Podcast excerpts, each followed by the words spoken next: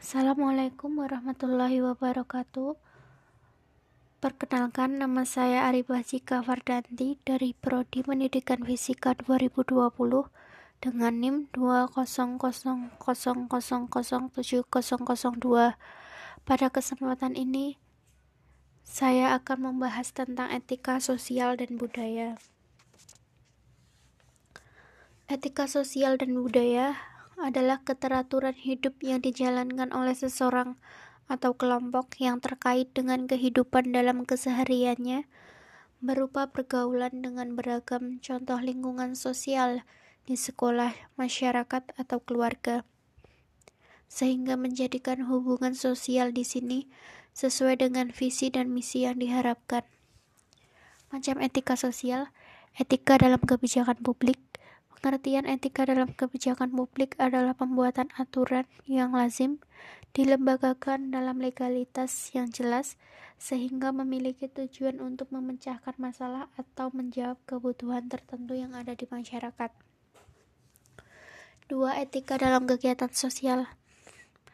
Arti etika dalam kegiatan sosial adalah serangkaian tindakan akan penerapan nilai-nilai dalam kehidupan masyarakat yang dilembagakan untuk mencegah rusaknya tatanan sosial atau social order, yaitu berupa sikap saling curiga, tindakan anarkis, atau mengamuk massa yang tentu saja itu semua menjadi keterancaman akan keberlangsungan hidup di masyarakat.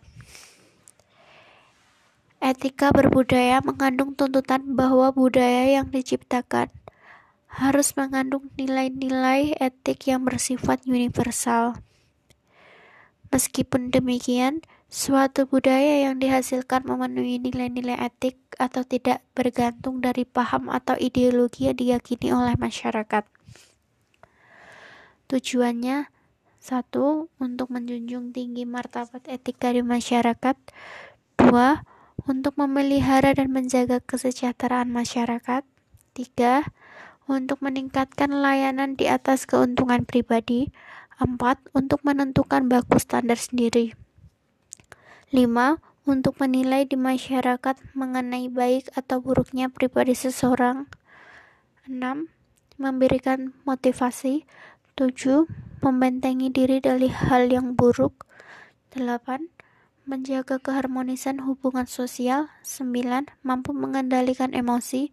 10. Berbuat baik kepada sesama 11. Pengendalian dan pengaturan 12.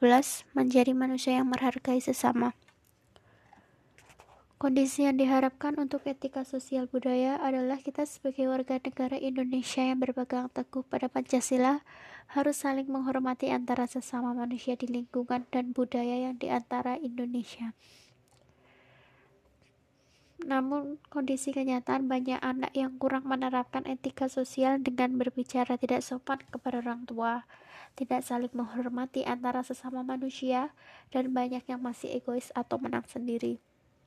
Dengan ini, seharusnya orang tua menerapkan pendidikan etika sejak dini agar menjadi kebiasaan yang baik untuk masa dewasanya. Kesimpulan, jadi kesimpulan tujuan untuk mempelajari etika sosial adalah untuk menciptakan nilai moral yang baik, etika yang baik, mencerminkan perilaku yang baik, sedangkan etika yang buruk mencerminkan perilaku kita yang buruk dan akan menciptakan suatu keluaran yang berupa penilaian masyarakat. Terima kasih atas perhatiannya.